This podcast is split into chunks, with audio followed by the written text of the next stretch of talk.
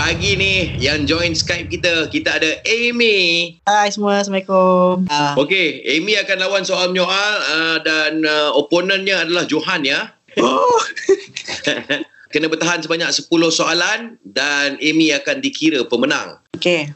Okey, uh, Ray bagi situasi baik punya Ray. Situasinya adalah dua orang sahabat yang sedang beratur nak cek suhu uh, dekat kedai. Okey. Okey. Oh, okey. Kita kat mana ni? Kau tak tahu ke? Tak tahu kenapa. Soalan apa tu? Nak tembak kat mana? Cek suhu ni. Kau dah siap dah? Siap kat mana? Apa dia? Kita nak pergi mana? Kau tak jawab soalan aku kenapa? Lah nak tembak suhu tu takut tak- lambat nanti macam mana? Kenapa takut lambat? Aku takut lah tak nak tembak kat mana tak tahu ni. Ah, kejap, kejap. Kejap, kejap. Tadi tu dah macam bukan soalan dah tu. uh, okay, Amy bertahan sebanyak tujuh soalan. Maka dengan sesungguhnya Amy, kau kena umum Johan menang. Ben Johan. Yo, yo, yo.